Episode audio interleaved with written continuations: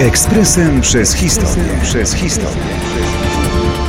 17 stycznia 1945 roku szwedzki dyplomata Raoul Wallenberg został aresztowany przez NKWD. Tego samego dnia, kiedy oddziały Armii Czerwonej wkraczały do opustoszałej, zmasakrowanej przez Niemców Warszawy, w Budapeszcie doszło do dramatycznego zdarzenia.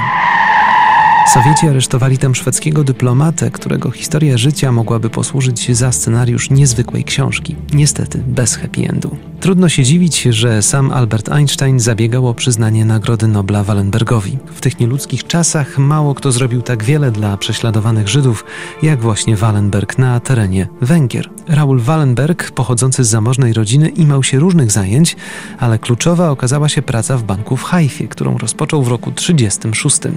To właśnie wtedy, na długo przed wybuchem wojny, zaczęły do niego docierać informacje o niemieckich represjach wobec obywateli żydowskiego pochodzenia.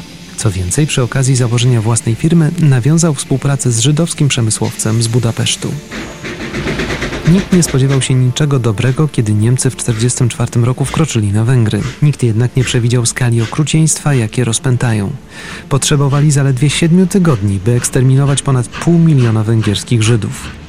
Na początku lipca 1944 roku Wallenberg pełnił już funkcję sekretarza ambasady Szwecji w Budapeszcie i postanowił ją wykorzystać, by uratować jak najwięcej istnień ludzkich. Blisko 9 tysiącom osób wystawił szwedzkie paszporty.